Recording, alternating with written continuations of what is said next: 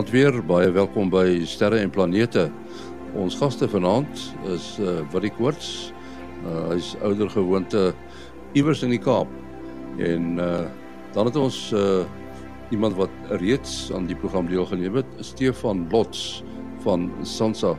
Nou Stefan uh die werk op Hermanus by uh, Sansa en uh hy is 'n uh, man wat uh die dinge van die son ontleed so 'n bietjie soos uh, Kobus Olkers uh, gedoen het en miskien nog steeds doen. Maar ons gaan in die toekoms nou uh, van uh, Stefan se kennis gebruik maak om 'n bietjie oor die uh son te praat en al die verwante dinge. Stefan, miskien net heel eerste uh, om jouself aan die luisteraars bekend te stel. Jy werk nou vir Sansa op Hermanus. Uh wat doen Sansa presies op Hermanus?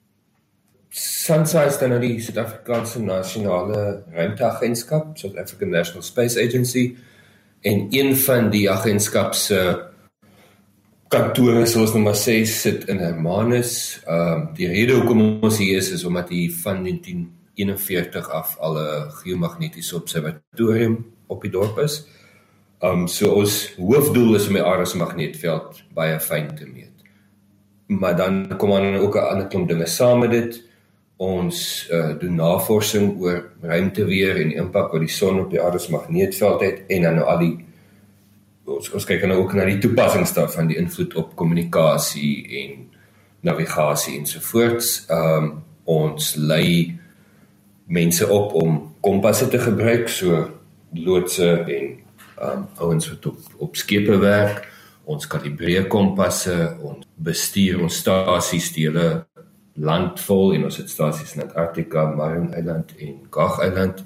So ja, ons ons doen alles wat te doen het met die aarde se magneetveld. Ons kyk na die langtermynveranderinge en ook die korttermynveranderinge wat dan nou uh, die ruimte weer veroorsaak word. Goed, julle bestudeer die son. Uh, kyk julle na die son in die met verskillende filters en so voorts. Beskryf dit vir ons uh, presies hoe hou julle die son dop, die die ruimte weer? Daar's verskeie maniere hoe mense dit kan doen. Daar's meer kan ons maar sê die hoë tegnologie manier waar jy 'n satelliet iewers buite die iewers tussen die aarde en die son neersit en hy kyk namens jou na die son. So ons gebruik data van internasionale satelliete af. Ehm um, SDO Solar Dynamics Observatory uh goes in so voorts om na die kan ons sê die uitstraling van die son te kyk in verskeie golflengtes en daardeur bou ons 'n beeld op van hoe die hoe die sonvlekke lyk. So dit is soort van die die hoë tegnologie manier, die lae tegnologie manier waarna waarmee ons na die son kyk is ehm um, na die aarde se magneetveld te kyk. So die aktiwiteit van die son veroorsaak korttermynveranderinge in die aarde se magneetveld. Ons hou hulle dop. Ons gebruik ook uh verskeie radio ontvangers om ook op so lae tegnologie kan ons nou maar noem, noem lae tegnologie manier na die na die son te kyk. So ons kyk na die invloed wat uh die die ionisasie op die atmosfeer op radiogolwe het en daardeur kan ons ook sien byvoorbeeld of daar 'n sonvakkel was, hoe groot hy was, hoe intens hy was ensovoorts. Ehm um, Ons het ook 'n rad, radarstelsel op Antarktika wat deel is van 'n internasionale netwerk. Die kyk ook na die atmosfeer en die en die en die lading van deeltjies in die atmosfeer om op so 'n manier ehm um, te sien wat die effek van sonaktiwiteit op op ons is. So dis dis bietjie nader aan die huis. So ja, ons kyk ons kyk hoë tegnologie direk na die son en ons kyk lae tegnologie indirek na die son deur na die magneetveld en die radiogolwe te kyk. Jy jy jy praat nou oor uh, die tegnologie. Het die tegnologie oor die jare wat die son betref baie verander? Dit kom nou maar saam met die hele mensdom se se se verbetering van ruimte tegnologie. So so satelliete meer gesofistikeerd word, kan ons beter uh prentjies of beter kwaliteit data van die son afkry. Um ons kan makliker daai data min of meer intyds uitsaai na die aarde toe so soos dit waargeneem word sien ons dit dadelik raak en ook bloot net die feit dat ons nou al vir 'n hele ruk lank in die ruimte is en vir 'n hele ruk lank um goeie kwaliteit elektronika kan bou beteken ons kan 'n lang datastel opbou en hoe langer daai data stel, hoe beter kan ons die wetenskap verstaan. Want hierdie hierdie siklusse is redelik lank en dit help altyd meer data is altyd beter. Kom sê so. Goed, uh Stefan, kom ons gesels 'n bietjie oor oor die gedrag van ons ster, die son, die afgelope uh week of twee en wat ons kan verwag. Ja, en ek so die laaste ja, afgelope week en 'n half was was dit nogal lekker aktief geweest. Daar was 'n hele klomp M-klas uh sonvakkels. Uh daar was 'n X-klas sonvakkel op die 28ste Oktober geweest en beide daai X-klas fakkel op die 28ste en die laaste M-klas fakkel op die 2de November het ook 'n uh, gepaard gaan 'n uh, massa-uitbarsting gehad. So hierdie twee groot fakkels het toe nou ja, met sy corona massa-uitbarsting was daar dan nou op die hier rondom die 31ste Oktober, 1 November bietjie aktiwiteit op die aarde se op oppervlak vlak van die aarde en dan op die 3 November ook 'n bietjie van 'n geomagnetiese storm. Ehm um, waar die KP indeks, dis so 'n indeks waarna ons kyk wat tussen 0 en 9 gaan, waar 9 baie aktief of ekstreem is en 0 is baie stil. Die KP indeks was het omgedry by 7 en die plaaslike K indeks hier in Hermanus het omgedry by 6.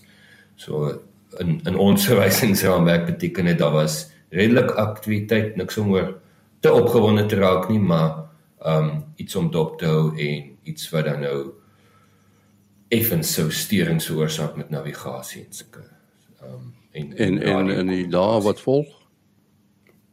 Daar wat volg lyk dit relatief stil daar so 'n paar um redelik nie te komplekse uh, uh sonvlekke nie Ehm um, as ek gou kyk na die magneetveld van die son self, so ons kyk na die die positiewe en negatiewe pole op die son.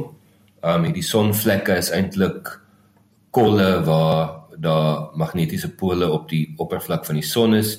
So dis die manier hoe ons die die son se ehm um, aktiwiteit begin om te voorspel of om te kyk hoe kompleks dit is en vir die vir die volgende week of wat dink ek daar's twee mooi ehm um, sonvlekke wat na ons toe gaan begin draai maar beide van hulle lyk op hierdie stadium redelik eenvoudig.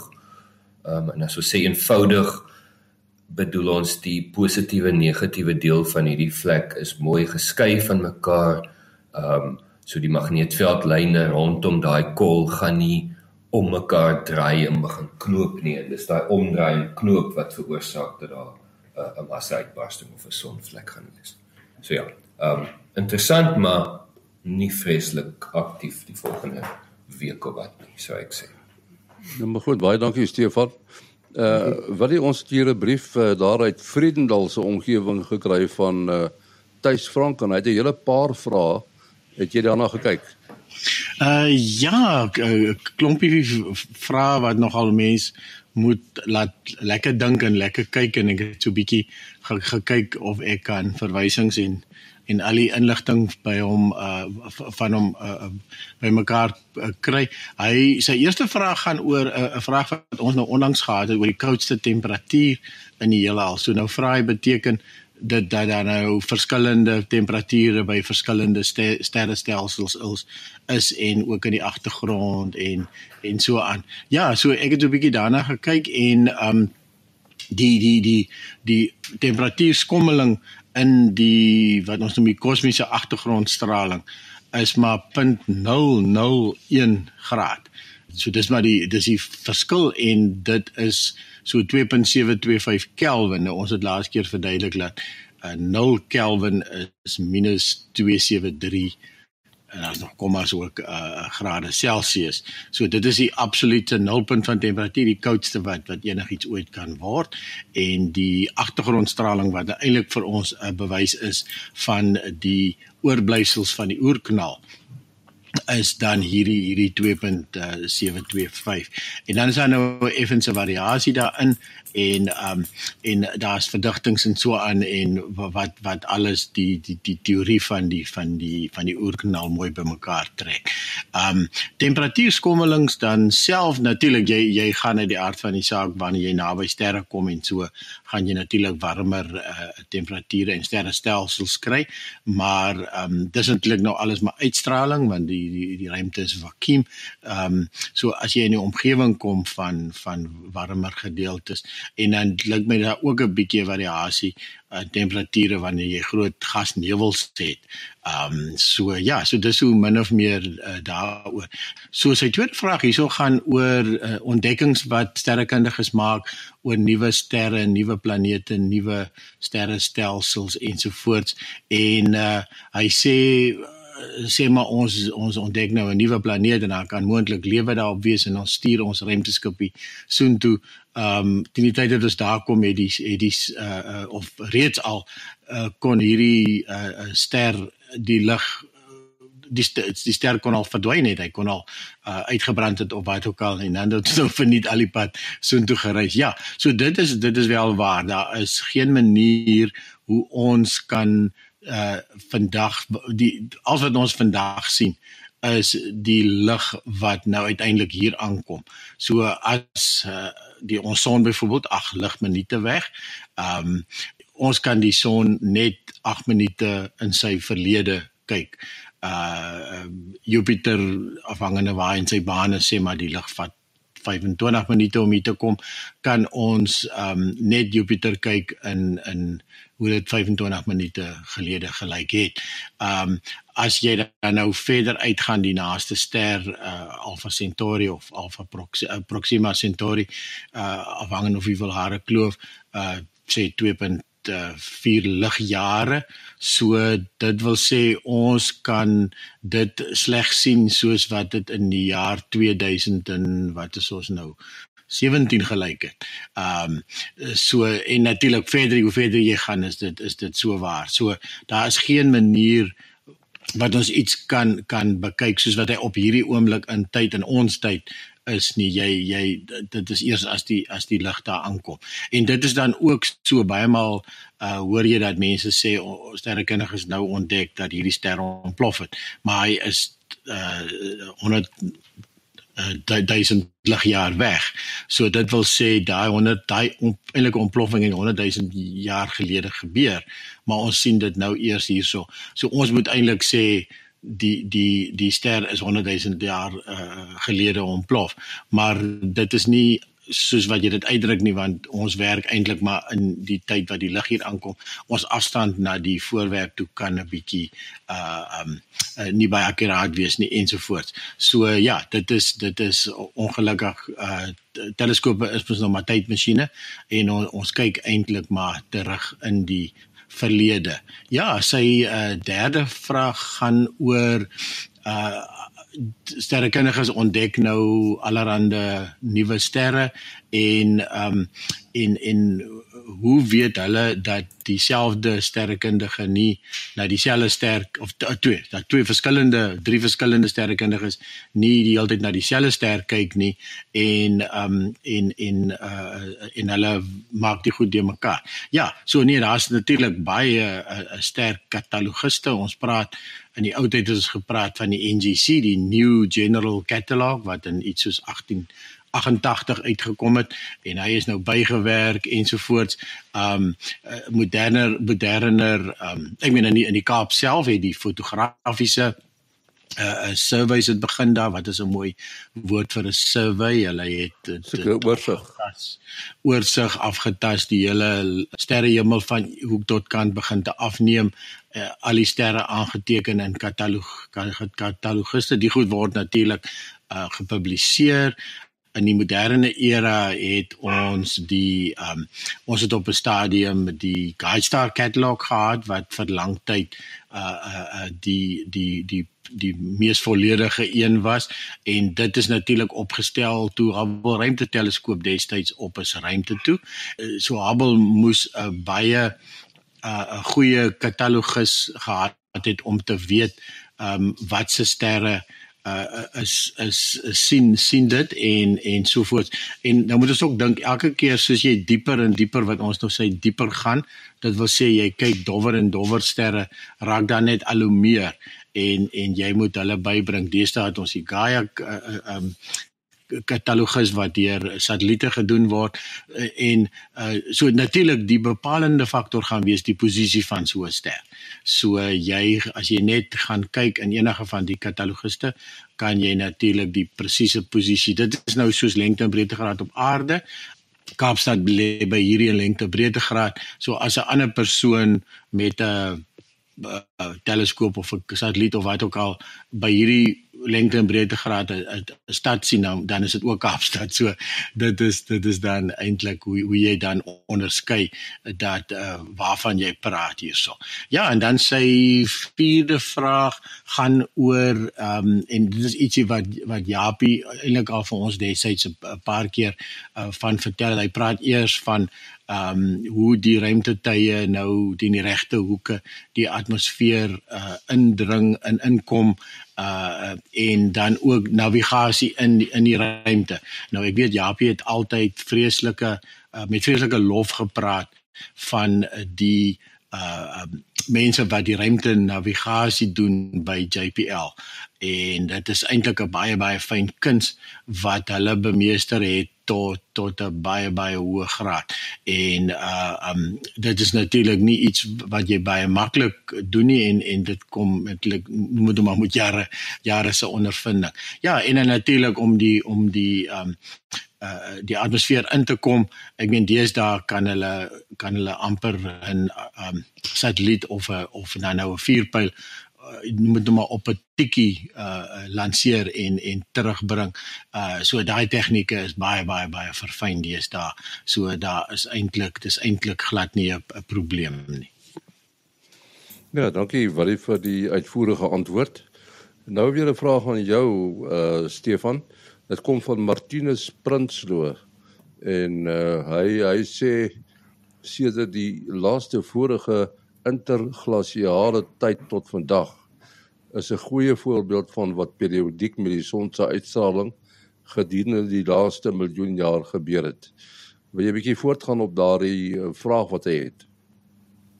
So die die artikel wat hy aangestuur het in Februarie die, die jaar uitgekom en wat hulle dan nou hier ehm um, praat is hulle het boomfossiele in Nieu-Seeland, so kauri bome noem hulle dit, geanaliseer om dan nou dan kyk jy kom op 'n baie eenvoudige manier kyk na die boomringe en op so 'n manier kan jy kyk na die ehm um, kan jy iets sê van die klimaat.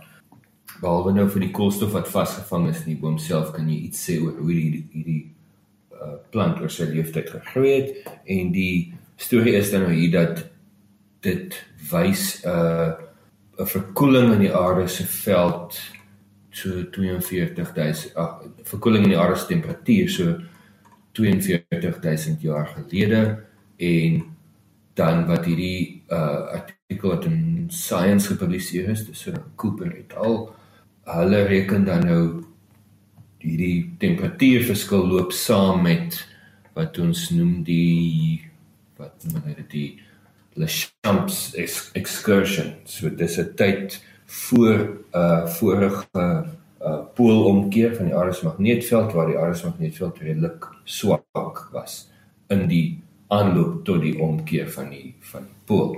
Wat hulle hulle bevinding was dat ehm um, wanneer die aarde se magneetveld swak is, dan as die swak magneetveld plus hoë uh, sonaktiwiteit maak dan nou dat daar dat die son se elektromagnetiese aktiwiteit die aarde se atmosfeer kan beïnvloed in die sin van van ionisering van deeltjies. Daai ionisering van deeltjies verander die verskeie uh populasies, bevolkings van deeltjies in die atmosfeer en dit het dan nou 'n aanslaan uh effek op die op die klimaat en wat hulle dan nou postuleer hierso is dat die meganisme waarvan ons al gehoor het dat um, 'n um, swak magneetveld laat kosmiese strale toe om wolke om om deeltjies te ioniseer wat dan nou begin aanpak aan mekaar en dit gee 'n aanleiding tot tot vergrote wolkvorming en op daai op daai manier word klimaat beïnvloed. So hulle hulle postuleer dan nou dat hierdie ehm um, lae magneetveld gee dan nou aanleiding tot klimaatsverandering veral by lae breedtes en dit is wat hulle dan nou kan sien in hierdie ehm um, in hierdie boomringe.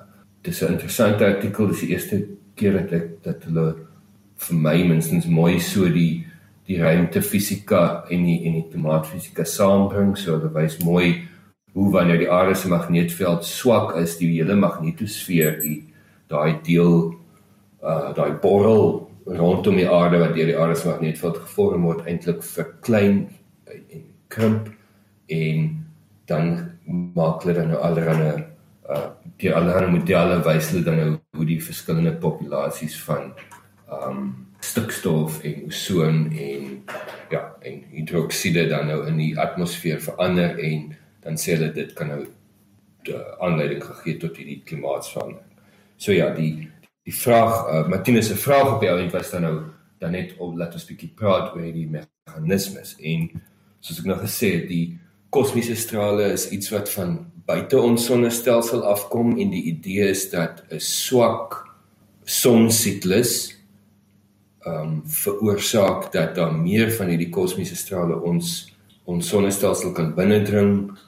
'n Swak magneetveld aan die aarde se kant daar daarin veroorsaak dan nou weer dat daai kosmiese strale die atmosfeer die hoër dele van die atmosfeer kan binnendring en daai kosmiese strale gee dan 'n aanleiding wat ons noem uh, particle showers. Uh, so dit is dan maar net weer en so aan uh op 'n volgende proses van van deeltjies wat teen mekaar bots en mekaar laai en ontlaai en dit het dan nou die effek van veranderinge in die bevolkings van hierdie van hierdie verskillende gasse in die atmosfeer. Dit baie klein veranderinge nodig in daai bevolkings om mediumtermyn klimaatsveranderinge te te veroorsaak. Die hele storie wat ek nou verduidelik speel nou af 42000 jaar gelede. Die ander kant van hierdie verhaal is dan nou dat as ons nou nader kyk na ons leeftye, ehm um, kan ons soortgelyke effekte sien. Uh ek weet of jy die luisteraars vir Dr Pieter Kotse kan onthou nie. Hy het voorheen by Sansa gewerk. Hy het 'n oulike artikel gepubliseer waar hulle na Kermetat boomfossiele gekyk het en hulle kon ook sonsiklusse in daai ehm um, fossiele sien van rondom die 1600s af tot tot rondom 2000. So ja, ons kan hierdie effek sien op die klimaat, maar aan die ander kant die huidige uh soos kom ons sê nou maar in die laaste 100 jaar is die effek van goed soos mensgemaakte klimaatsverandering en die daarteen die relatief klein verandering in die son se se aktiwiteit relatief tot die byvoorbeeld Lachamps uh, reversal um is baie klein. So die kan ek sê die versoeking is dan nou om te probeer sê ja, maar klimaatsverandering is net 'n 'n natuurlike proses, maar as ons kyk na ons leeftyd is die verandering, die natuurlike veranderinge te klein om te verduidelik wat ons tans uh, meet in terme van klimaatsverandering.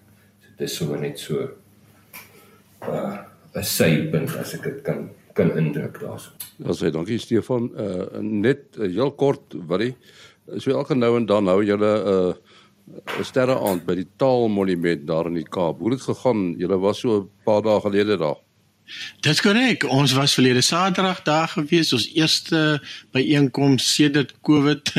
so ons het eintlik maar een seisoen gemis in die somermaande is ons gewoonlik daar met ons teleskope, is gewoonlik van in November af deur tot Maart toe en ehm um, en ons het toe nou uiteindelik uh besluit dit is dalk nou veilig genoeg. Ons het natuurlik nou al die protokol gevolg van COVID ensovoorts en ehm um, maskers van die klas van goeders en uh lekker baie lekker byeenkomste gehad.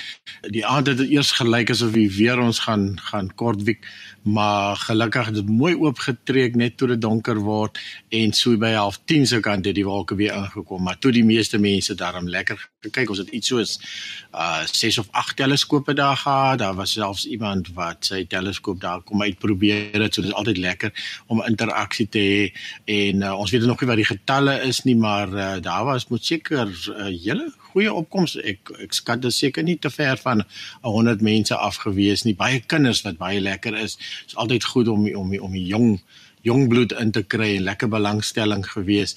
En natuurlik ons moet nou lekker kom planete wat nou mooi sit. Natuurlik nou paar nevels in die klas van goed ook bekyk so. Ja, ons ons sien uit volgende uh, 4 Desember is ons volgende een en dan is ons weer Januarie tot Maart is ons weer so aan die einde van die elke maand.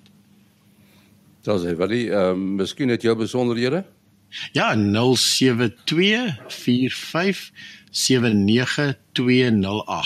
0724579208.